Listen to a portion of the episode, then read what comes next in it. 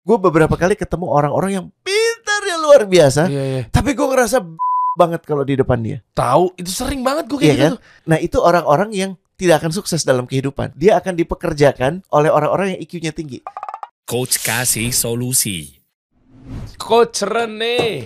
Hello, hello, hello. Ini rame banget kemarin ya yang postingan pekan lalu ya bisa dibilang ya. Mm-mm. Yang kita bahas mengenai Pak Tim McKay, ah yang orang Holcim, presiden CEO-nya Holcim. berarti udah udah udah ganti ya karena memang beliau udah meninggal juga kan. Iya betul, udah beberapa kali berganti dan bahkan Holcimnya sudah diambil alih sih. Ah, oke. Ya. Nah, ini komen-komennya ternyata banyak banget yang dulu pernah kerja sama Iya. beliau ya. Ini Istimewa banget. ada Xavier Remir dibilang dulu saya waktu di Holcim dan pada malam tahun baru saya masih lembur untuk nyelesain pekerjaan. Beliau turun ke lantai saya dan nyalamin orang-orang yang masih pada lembur dan pesannya hanya satu. Ayo kita pulang, nggak usah lembur. Keluarga kalian menunggu di rumah. Mm. Pesan sederhana namun powerful yang datang dari seorang CEO. Ini saya banget loh coach. Lu juga gitu ya? Iya, datang kan set ke anak buah. Eh, lagi pada ngapain? Ayo semangat ya lemburnya, lanjut ya. Saudara kan tidak ada tahun baruan dikasih solusi kan tentunya. tidak ada karena tidak saya ada kan karena tidak setiap ada. hari pasti ha- bar- hari yang baru kan. Ya karena saya kan seorang muslim, Iya. jadi kan itu kan budaya dari eh non Paham, muslim. paham. Gitu. Eh, boleh kita Eh, jangan oke, bahas itu dulu oke, ya. oke, oke, Iya, iya, iya. Tapi lihat deh, gue seneng banget ya baca pesan-pesan ini dan Ah. ternyata uh, confirm bahwa uh, beliau itu pemimpin yang nggak cuman bijak tapi Oke. juga ulas gitu. Jadi banyak orang yang yang pernah merasakan ada di bawah Pak Tim ini juga ada lagi tuh. Ya kan orangnya humble banget, sangat mengapresiasi bawahan.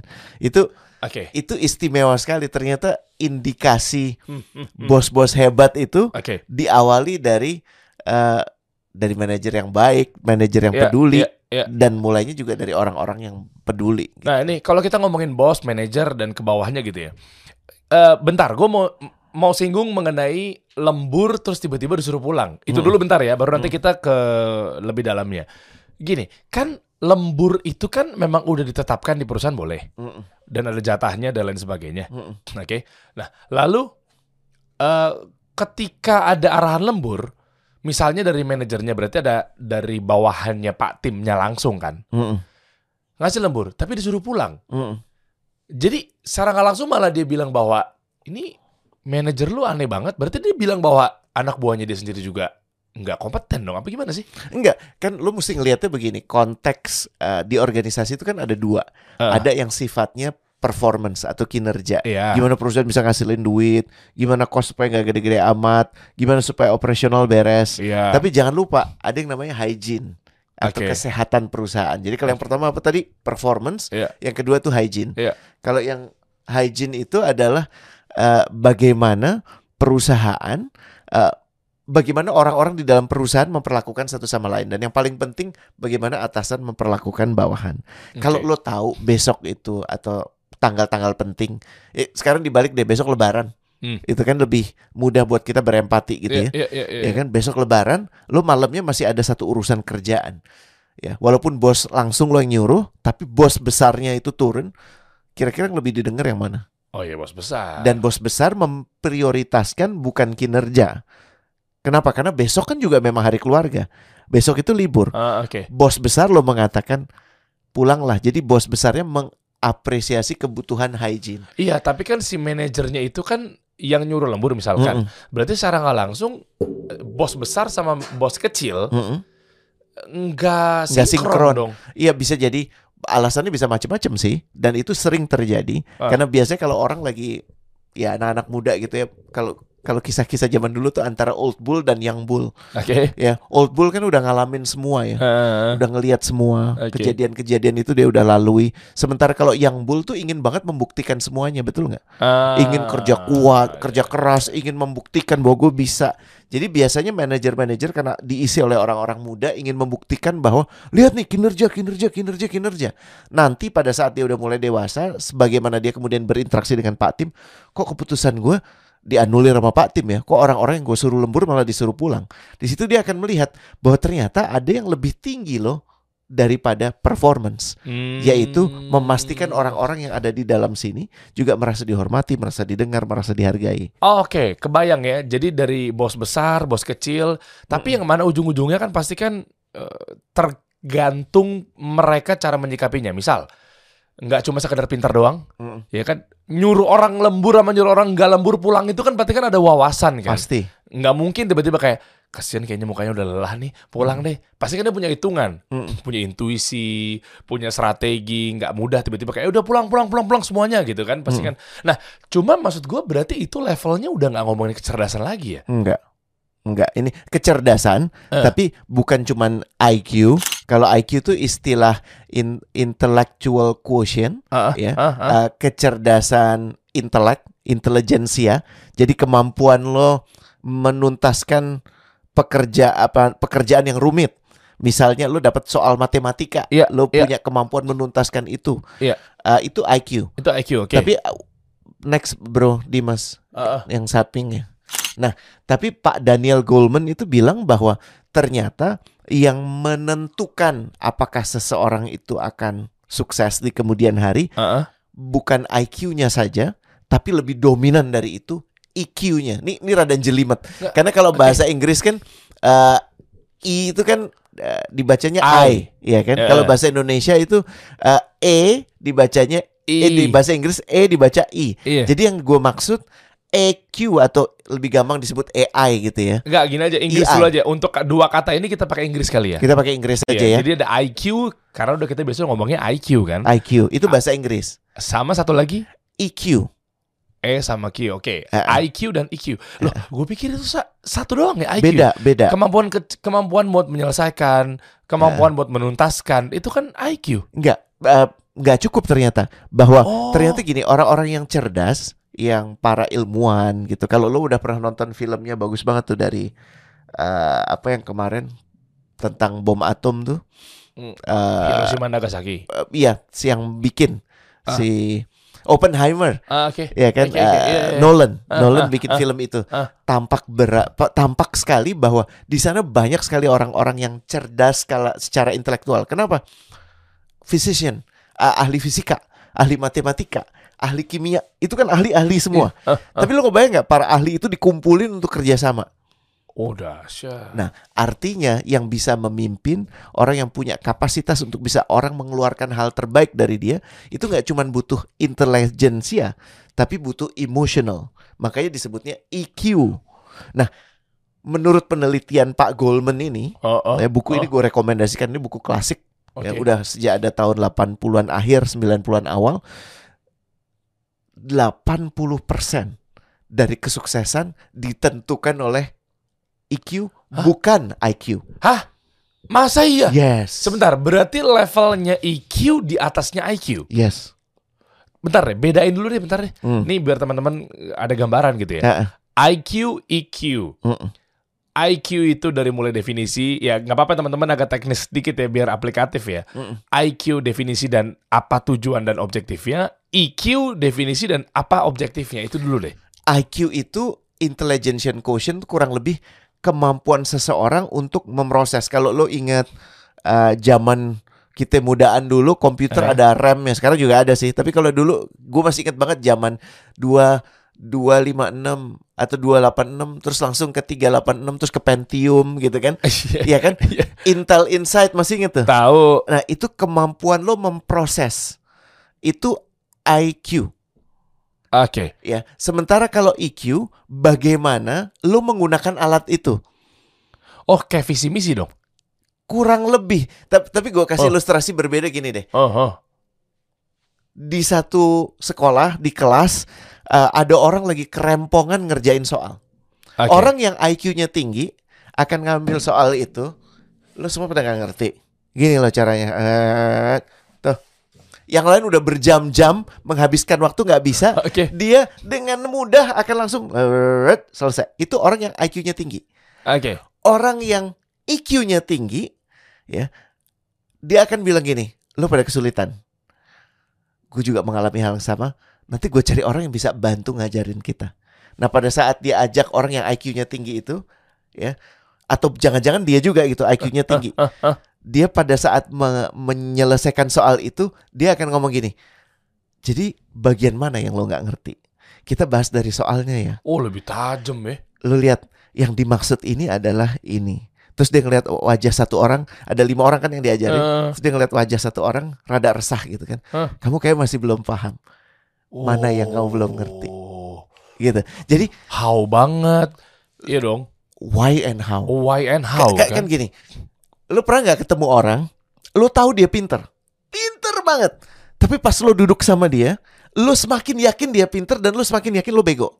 Iya tahu banget. Pernah gua. ya? Pernah itu dong. orang yang IQ-nya tinggi doang. Gue ulangi ya, itu orang yang inteleknya tinggi banget. Oke. Gue beberapa kali ketemu orang-orang yang pintarnya luar biasa, Iya iya. tapi gue ngerasa banget kalau di depan dia.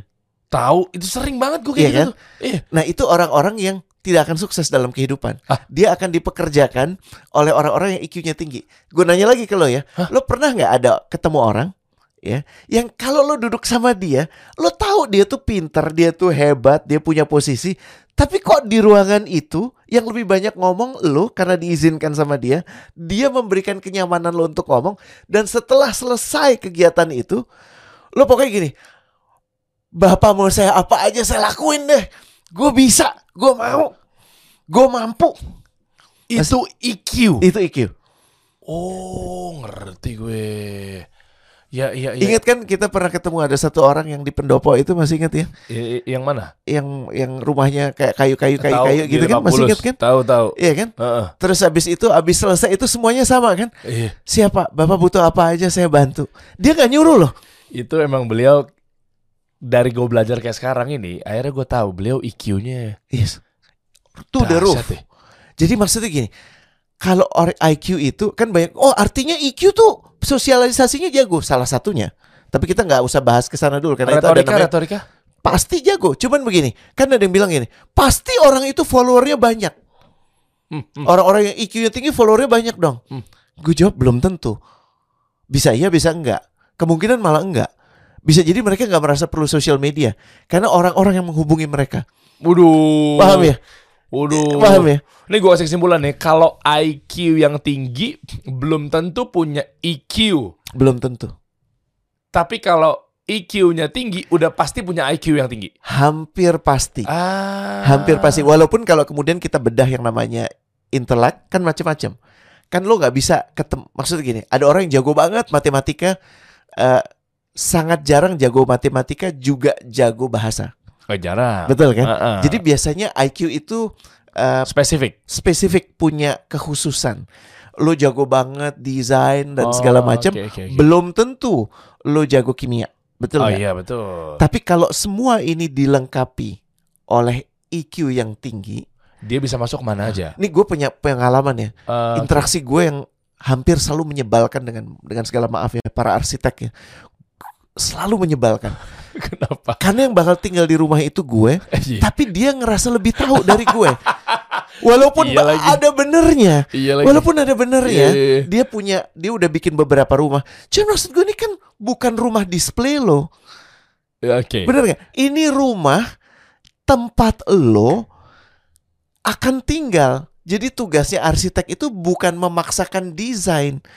Tugas arsitek itu memahami kebutuhan dan mendesainkan dengan efektif. Ah, Nah ini gak banyak nih arsitek yang kayak begini. berarti Makanya ya. arsitek yang IQ-nya tinggi banyak. IQ, IQ- menurut gue semua arsitek IQ-nya tinggi. Cuman yang IQ dan EQ-nya tinggi sehingga bisa berinteraksi dengan asik Ah, itu sedikit. Nanti iya. gue akan kapan-kapan kita undang ke sini ada satu kawan Eh, namanya eh, apa eh, Riri nggak tahu pernah diundang apa Udah. enggak? Udah ya. Atelier Sama satu Riri. lagi arsit namanya arsitek tropis. Iya. Eh, itu Ren Katili. Ini dua orang yang menurut gue nggak cuman pandai Iya, iya, iya, iya. mendesain ya, tapi dia bisa memahami relung hati pemikiran eh, customernya. Gue tahu sekarang udah nangkep Ngerti nih ya? IQ IQ gue ngerti. Riri Ini waktu IQ. itu ngomong begini. Riri nih. Eh, by the way, eh, ini ini eh, intermezzo dikit ya. Anyway, kantor yang Ustadz Nuzul Tahu, gue pernah ke sana. depan Darul Tauhidnya Agim. Pernah Itu ke kan sana. Beliau yang rancang Iya. gitu. Lu udah tahu belum yang dia bikin di Lombok? Gue masuk dalam ah belum. Nah, tuh lu bawa Iya. liburan anak-anak lu deh. Ah, nah anyway, eh, beliau Riri pernah ngomong kayak gini waktu itu. Gue nanya, gitu kan, eh, bang, eh, kenapa ya rumah gue tuh eh, kalau siang hari, di, Panas. Eh, tengah hari, satu panas, yang kedua gelap. Hmm. Padahal jam 12 siang, jam 1 siang dan seterusnya, yang matahari lagi bener-bener di atas banget gitu ya. Oh, ya ya ya. Gue coba tebak ya. Oke, ini rumah lu nih. Misalnya persegi panjang gitu ya. Oke. Pasti dari sisi yang sebelah sini ketutup ya. Gue mikir. Boleh gue tebak kak, jendelanya ada di sini sama di sini kan. Kita ngomong mayoritas ya. Hmm. Iya lagi bener. Ini minor banget jendelanya. Hmm. Persegi panjang rumah gue kan panjang gitu kan. Iya, oh iya, wajar. Harusnya nggak begitu. Hmm. Kenapa? Lah kan yang lebih enak. Gue ngadep ke timur kok. Hmm. Jadi gue kalau pagi-pagi ngeliat matahari, paham. Terangnya kan pagi doang kan. Kalau lagi di atas, samping kalau ketutup, ya gelap. Hmm. Dan lu akan lu langsung kasih tahu tuh, dia begini, begini, begini, begini. Ah, kemarin arsitek gue gak ngomong begitu. Arsitek gue ngomong begitu, estetiknya. Jadi kalau ini begini, begini, kelihatannya tuh nggak ini. Gue Dia- kan dia- gini, ngerti gak sih maksud gue? Yang satu ngomongin kelihatannya, Iya. yang satu ngomongin apa yang lo rasakan saat lo meninggali iya, tempat itu. bener. Nanti kapan ya partner si Lili tuh Riri itu namanya Gile. arsitek trofis yang desain ngerumah Ah, itu gue. gue belum tahu tuh. Dia itu memahami flow udara dan yang namanya matahari. Iya Jadi bener. dia menentukan banget positioning baiknya gimana Ah, gitu. bener. Itu gue gak dapet tuh bener. Kan kalau matahari di atas, Hmm. gue pagi hari mantep tuh. Kan gini kan logikanya kan. Begitu di matahari di atas Nggak tengah, masuk udah. tek, ini lo minor banget ya. Eh. Gak masuk, pantesan gelap. Gue terus ditebak sama dia, listrik lo tinggi kan. Artinya lo akan punya kos buat begini dan siang hari lo akan nyala lampu. Iya lagi. Gue langsung kayak, wow harusnya ini arsitekku. Hmm. gitu. Mahal dia. Mahal banget Iya ya. makanya dan orang Iya, pa- iya. orang yang IQ-nya tinggi dia menetapkan harga itu bukan atas dasar desain Ah. karena rekomendasi orang-orang yang sudah pernah kerja sama dia sebelumnya. Iya. Nah, ini yang disebut Gile. sebagai IQ dan ini prediktor kesuksesan yang paling baik. Oke. Kenapa? Karena mayoritas orang yang dikejar rata-rata kan keilmuannya cuman IQ IQ IQ. Hmm, Iya hmm, kan? hmm, hmm. Eh, pokoknya lo kalau bisa IPK-nya 4. IPK 4 tapi kagak bisa gaul. Ah, bener nggak? IPK iya, iya, 4, iya. Eh, ngertinya cuman eh, berinteraksi sama soal, tapi bukan sama dosen, bukan sama teman-teman. Nah, ini yang jadi masalah. Hmm, Dan ini oke. yang yang sebenarnya menurut gua eh, harus kita harus kita perjuangkan sama-sama. Gua nangkep nih, tapi bisa nggak diobatinya dari awal itu selain memang mungkin nanti ada tekniknya lu bisa kasih tahu ya gimana cara ningkatin EQ atau IQ gitu ya. Eh, dengan latih gue nggak tahu kalau gue orang dari konten nih awam banget nih eh, ini ya penanggapannya. Kalau latihan public speaking bisa nggak? Enggak, enggak, Hmm. enggak sesimpel itu buat naikin EQ. Minimal, minimal. Hmm. Karena jangan-jangan gara-gara penjelasannya, kelugasannya, retorikanya, Hmm. aplikatif, praktikal itu kan kadang kita langsung kayak oh iya ya paham nih gue. Bukan. Gue jelasinnya bukan gitu. begini ya. Kalau orang yang IQ-nya sudah tinggi, dia belajar public speaking akan membuat dia jadi speaker yang lebih efektif. Oh, Tapi kalau Oke. orang yang IQ-nya rendah dikasih ilmu speaking. public speaking, Heeh. maka yang terjadi kemungkinan cuma dua. Yang pertama, dia jadi pembaca berita Oke. karena dia nggak harus berinteraksi sama siapa-siapa. Ah, Dia bisa menggunakan intonasi yang tepat dan segala macamnya tepat, tapi nggak ada connection, nggak nyambung. Oke, Paham ya? oke. Lo ngerti kan? lo Monolog, anak panggung monolog. juga sama gue kan? Iya, iya, iya. Kalau kita di depan, kebutuhan lo adalah menyampaikan materi. Iya. Itu orang-orang yang IQ-nya tinggi, yang IQ-nya tinggi. Sorry, yang inteleknya tinggi. Materi gue yang penting diselesaikan. Ah. Kalau orang yang IQ-nya tinggi, gue duga lo juga IQ-nya tinggi. Insya Allah. Kebutuhan amin. lo adalah gue dipahami nggak? Ah, iya. Pesan gue dipahami nggak? Nah, yang namanya public speaking itu membantu. Iya, membantu proses itu. Hmm. Namun tidak serta merta membenahi kebutuhan lo punya IQ yang baik. Karena dua-duanya pengaruh, nature dan nurture. Part yang nggak bisa diajarin, Hmm. mungkin kalau gue dibilang nggak bisa diajarin tuh nggak tepat ya. Eh, Kurang masuk. Gimana sih ngajak orang lebih berempati? Oke. Ya dia harus ngalamin dong. Kita kan nggak bisa gini, der, lo empati dikit, nggak bisa, nggak bisa. Ah, Ngajarin orang berempati adalah ngajak orang itu merasakan bagaimana rasanya jadi orang yang sebaliknya. Oh, nggak bisa tiba-tiba. Kayak ngajarin gue empati oke. itu adalah dengan ini Samsung salah satu kenapa Samsung tuh menjadi terdepan saat ini ya. Tahu nggak? Bosnya anak dari pendiri Samsung generasi keduanya melakukan hal yang nggak pernah terbayangkan sebelumnya. Yang cewek bukan sih? Bukan cowok. Ya, Pak Lee itu. Iya. iya.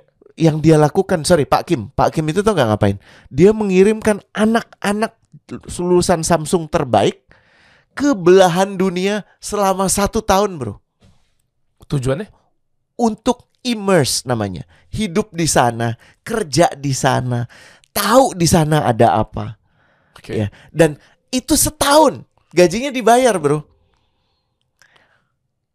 Ribuan orang udah dilaku, udah dilaku Samsung sudah melakukan ini ke ribuan orang. Ya dan bahkan beberapa organisasi masih mencontoh ini. Kenapa sih dia sampai kerewesan ngirim orang dan ini program yang mahal. Hasilnya belum tentu. Karena untuk ngajarin empati, gimana orang Korea tuh kan kayak kalau Indonesia tuh kan ada Batak, ada Jawa, ada Iya, Bali. eh. Orang Korea tuh ya Bali doang, Batak Oke, doang. gitu. oke. Jadi orang Korea ya itu homogen banget. Iya, iya, Ya. iya, iya. Orang Korea ya predictable, itu Korea udah titik. Jadi mereka nggak akan bisa memahami kebutuhan bangsa lain kalau nggak merasakan ada di sana. Itu yang dilakukan oleh pendirinya Samsung, anak pendirinya Samsung.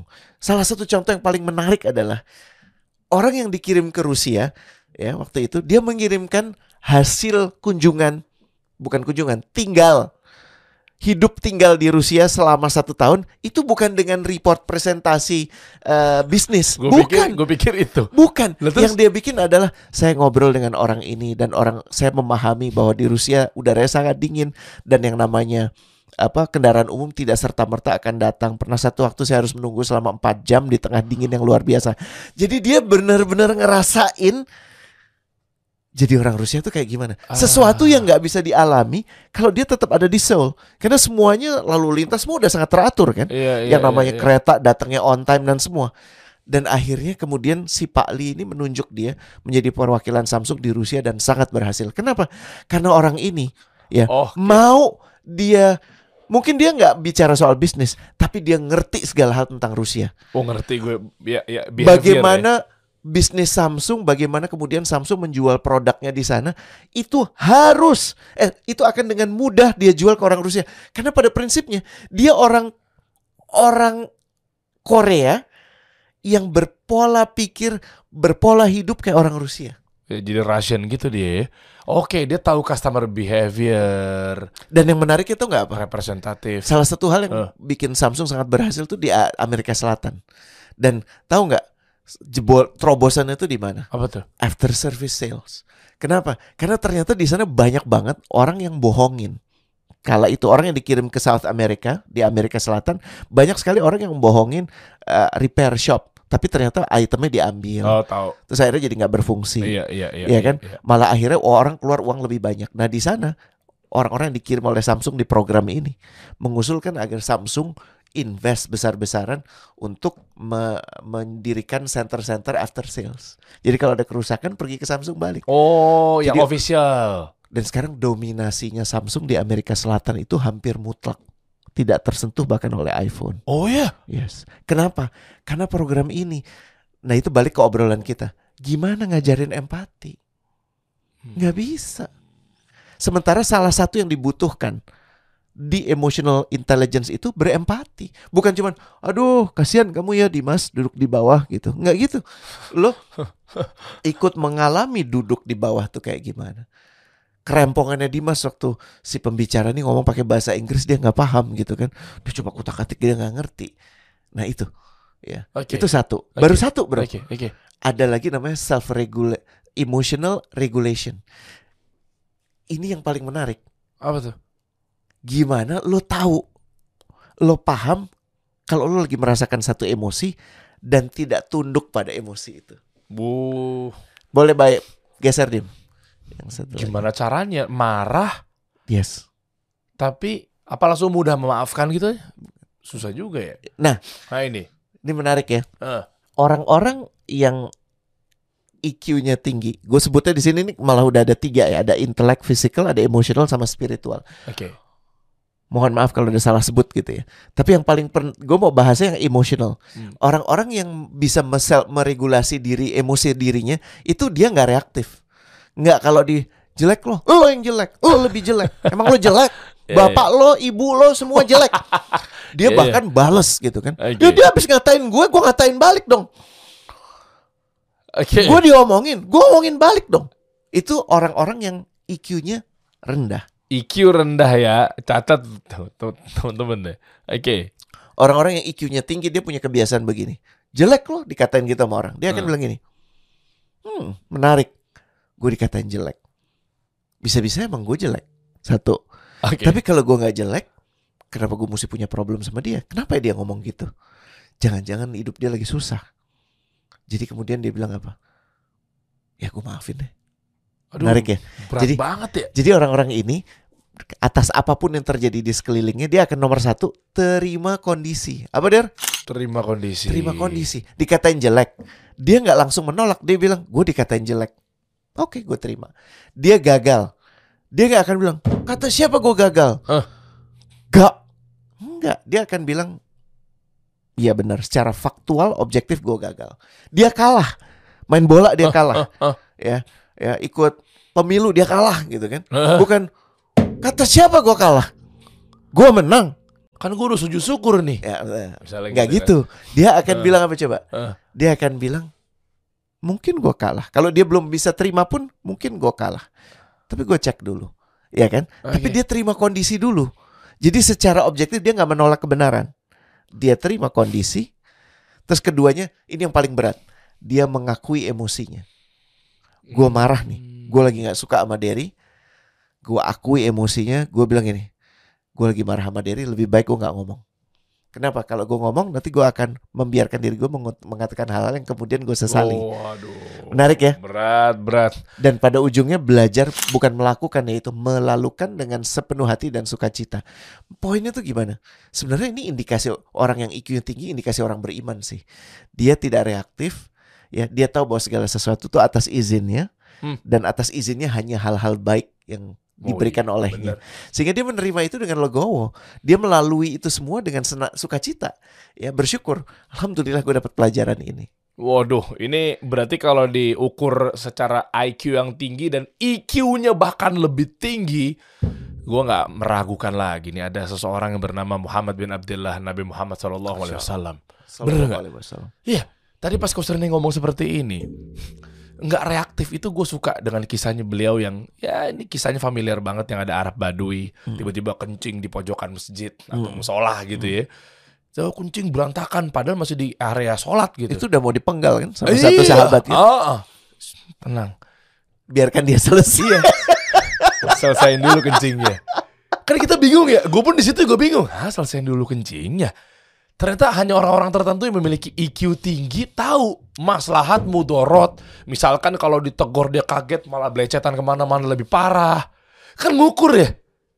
Cuma orang tertentu yang bisa, oh itu maksud dan tujuannya. Dan dan ini eh, apa der kita ini secara IQ nih ya coba deh, Oh, Dim. Oke. Secara IQ ya ada dua riset yang menarik sekali. Yang satu lagi Dim. Dim. Ah, ini. Nah ini, nih ya. Ada yang bilang eh, riset ini mengatakan bahwa IQ-nya orang Indonesia dari 120 dari 126 negara yang diteliti eh, itu 78.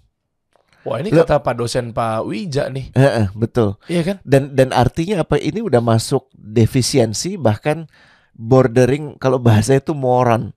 Ya. Ini World Population Review. Oh moron tuh moron ya? Moron, moron. Kan suka diledekin waktu zaman kita SMA. Ah, Bego moron lah. lo, bego lo gitu ya. Dan ini punya keterbatasan untuk memproses uh, nuansa. Jadi kayak kalau suka gue sama lo sama suka gue sama lo. Itu kan Ah. beda ya. Beda dong. Nah, orang yang intelektualnya lebih tinggi dia punya kemampuan untuk mengkaji itu. Tapi yang menarik riset yang berikutnya boleh ya. Kalau di sini Indonesia itu nomor nomor buncit di antara negara ASEAN, tapi bukan 78, s- 94. Jadi naik. Loh, kok bisa? Gue juga nggak paham bisa jadi eh, pengukurannya eh, beda gitu ya. Dan ini base-nya lebih baru dari 2023. Heeh. Jadi ya, lo lihat di sini kalau kalau balik ke grafik yang tadi 93, balik yang tadi deh nih. Oke. Ya, 93 tuh udah masuk ke normal. Itu tuh. Iya, Iya kan lo karena lihat ya. start from 90 tuh normal tuh Iya. IQ-nya. Jadi kalau ngelihat dari yang update data terbaru, sebenarnya secara IQ ada improvement dan ini sangat ditentukan oleh nutrisi lo, ditentukan dari eh, apa kalau sekolah nggak ya kan ada ada kan lo nggak mungkin bisa nyelesain problem aritmatika atau Iya, kalkulus iya, kalau lo nggak melalui satu dua tiga kan Iya. bener nggak kayak, kayak lo kalau mau baca Quran sebelum lo bisa jadi hafiz Quran lo harus mulainya dari mana alif batasa kan Iya dari situ Betul betul, kan? naik Nah. naik naik pelan pelan. menjawab lagi pertanyaan lu tadi IQ itu apa? IQ itu kemampuan kecepatan lu memproses informasi yang ada menjadikan ilmu yang bermanfaat. Itu IQ. Ah. Nah, sekarang EQ balik lagi Dim. Ya, Hmm. Kalau kita bicara soal EQ, Oke. itu bicara bukan lagi pemahaman lo akan satu hal, tapi pemahaman lo akan keadaan dan orang-orang di sekitar dan yang paling penting pemahaman lo tentang diri lo. Iya. Sehingga dari sini yang penting ada dua, nature dan nurture.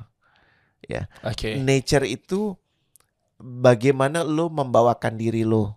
Nurture itu pilihan lo ada di mana selanjutnya. Mm-mm. Kalau lo ada di kelompok orang dari yang sangat stabil secara IQ-nya, ini menariknya. IQ Hmm. itu rentan, bisa Oke. naik, bisa turun. Oke.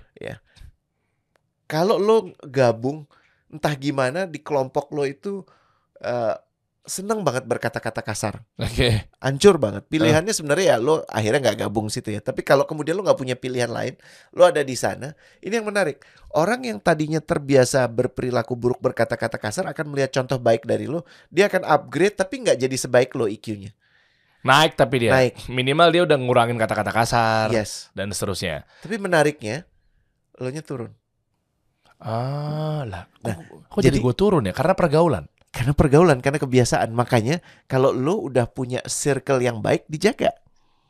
Ya, jangan Hmm. malah ditinggal atau lo tinggal itu untuk yang buruk lagi gitu. Kenapa? Karena lo yang yang yang tertata IQ-nya butuh terus dinaikkan dengan orang-orang yang IQ-nya lebih tinggi lagi. Mm-mm. Gaulan kita sama orang yang di pendopo itu, Ya, gaulan ya. kita sama guru-guru kita.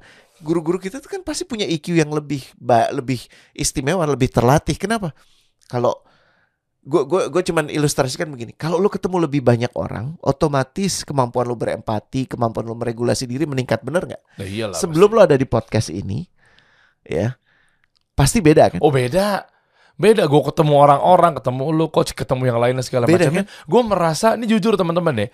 eh, merasa pasti gue lebih naik. Ya, beda. Dan termasuk juga melihat membaca keadaan gitu. Jadi nggak nggak Hmm. mudah berasumsi, nggak mudah ngejudge ya. Hal-hal kayak itu gimana sih ya? Yang namanya 360 emang orang-orang itu udah pernah punya 100 miliar.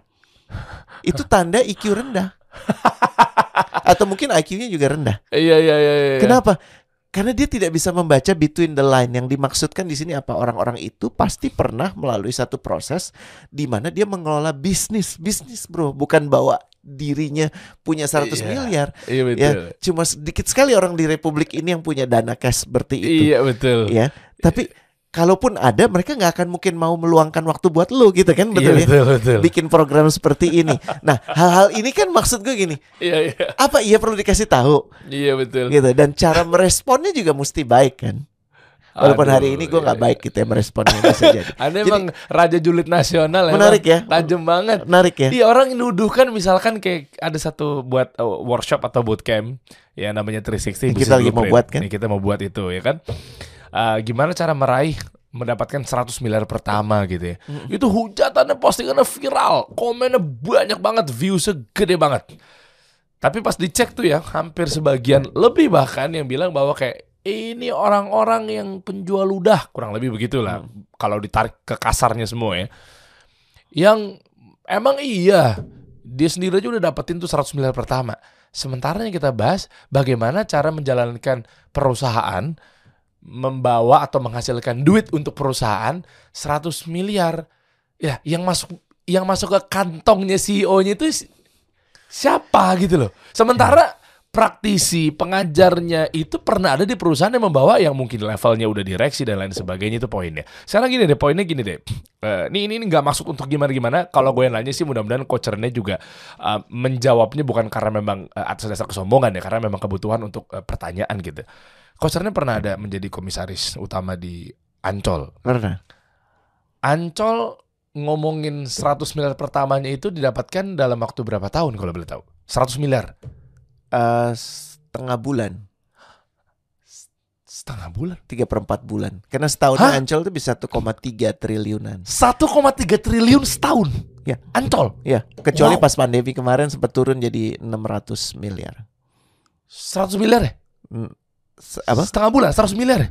Ya, Setengah bulan, tiga perempat bulan lah kalau lagi baik. Nah, ya kayak gini-gini teman-teman nih lihat.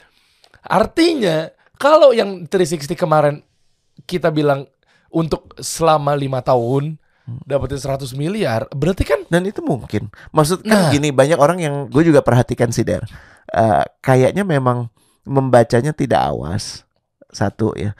Eh, ya tentunya kita juga perlu memperbaiki narasi supaya lebih mudah Oh ya, dipahami. oke, ya. oke, nggak apa-apa, Tapi- masalah. Tapi maksud gue gini, eh, coba dipahami benar-benar yang dimaksud sebagai bagaimana mengusung bisnis 100 miliar, bukan bagaimana lo bisa dapat 100 miliar. Karena kalau mau dapat bisnis duit 100 miliar paling gampang namanya korupsi. Iya nggak? Iya. Iya betul. Iya kan? Iya betul.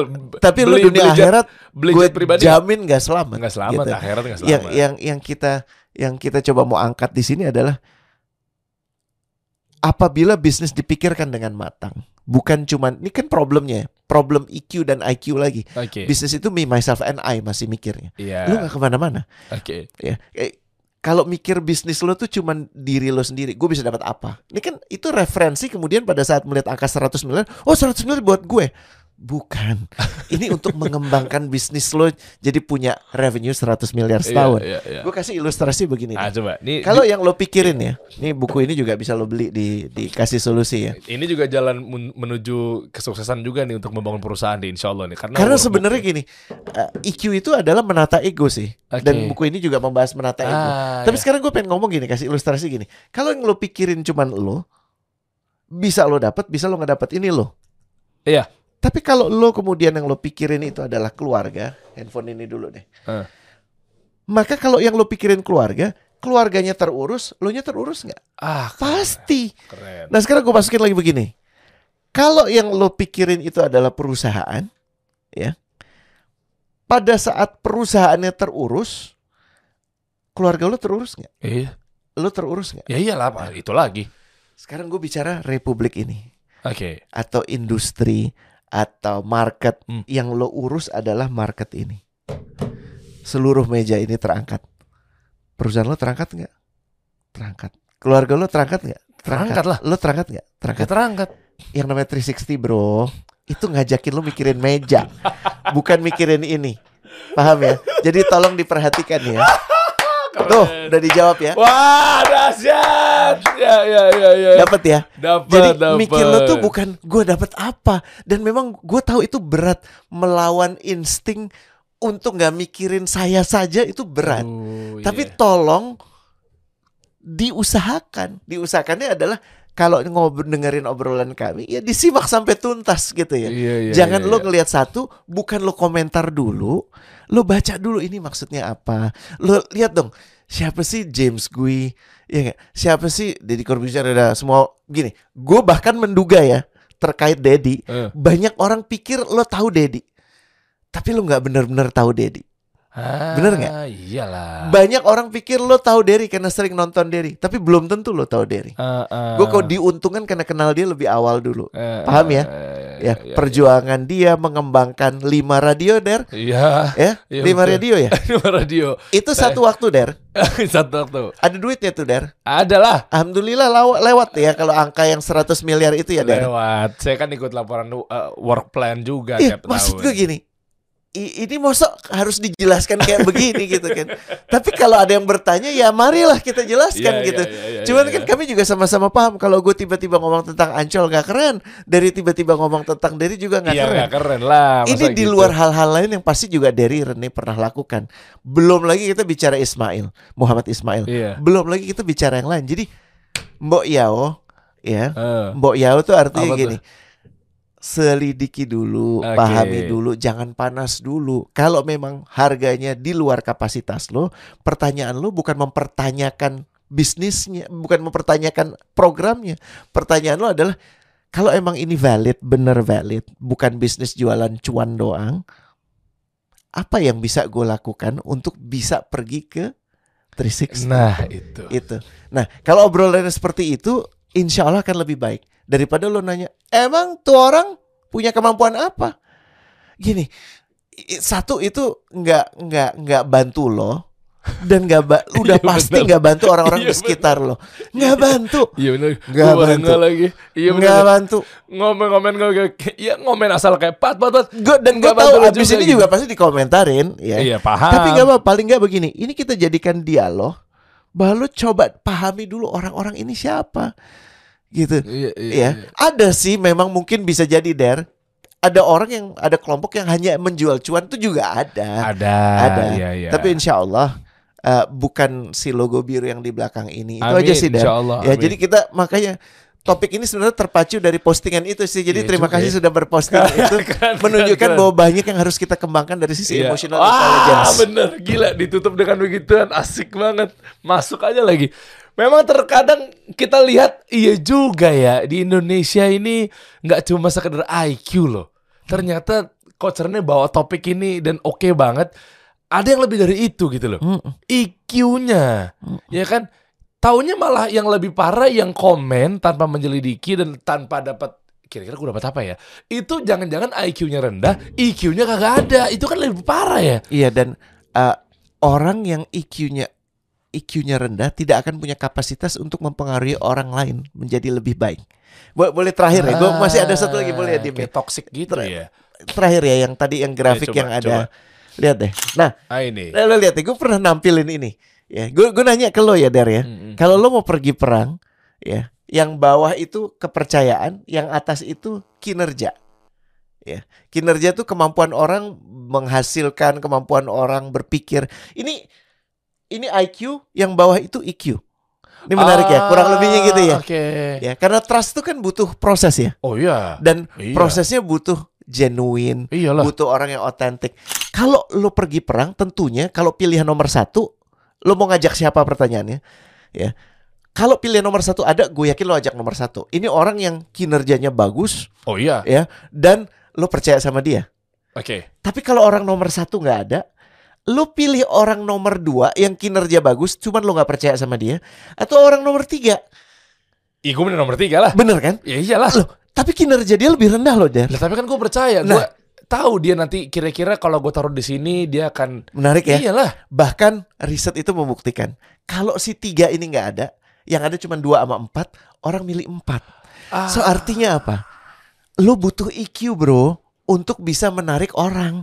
Kenapa? Lo butuh dipercaya. Ah, Gimana lo bisa dipercaya kalau yang lo pikirin cuman lo?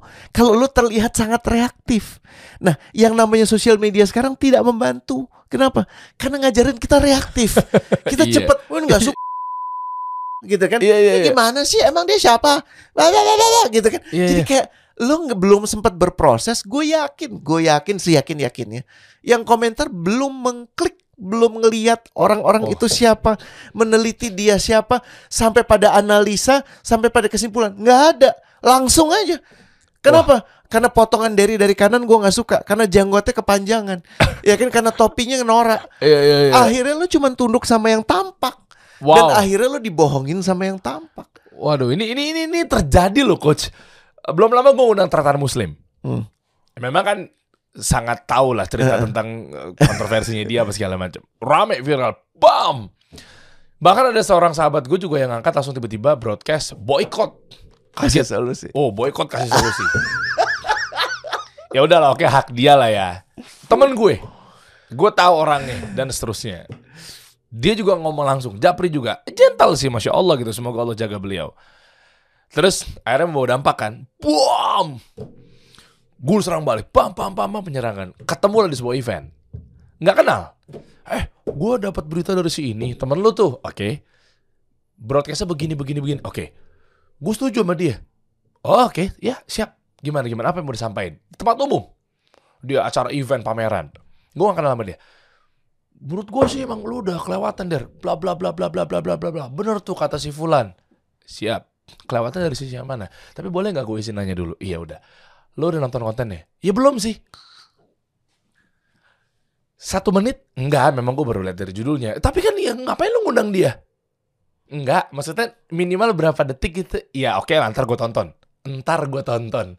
Gue diserang dulu, ya udah ntar gue tonton. Tapi gue mau nanya, apa lah ada selalu ngundang dia? Ya ntar gue tonton gampang, oke oke. Coba apa? Ja- Mana ya?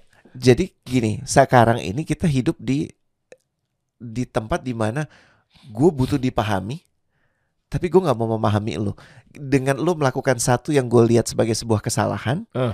hal-hal baik yang lo pernah lakukan Ah. ditutup.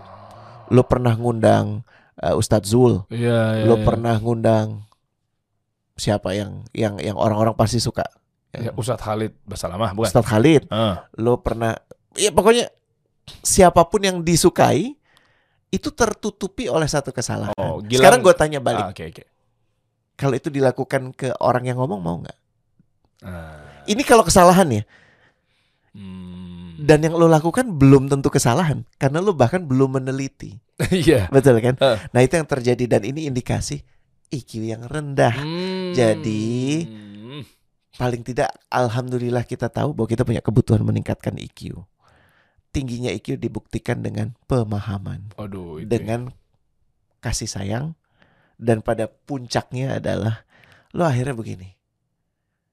Mana yang bisa lebih mendatangkan kebaikan? Gue lakukan itu. Hmm. gitu. Nah ini yang paling penting. Kenapa? Karena lo udah gak berhidup untuk lo saja.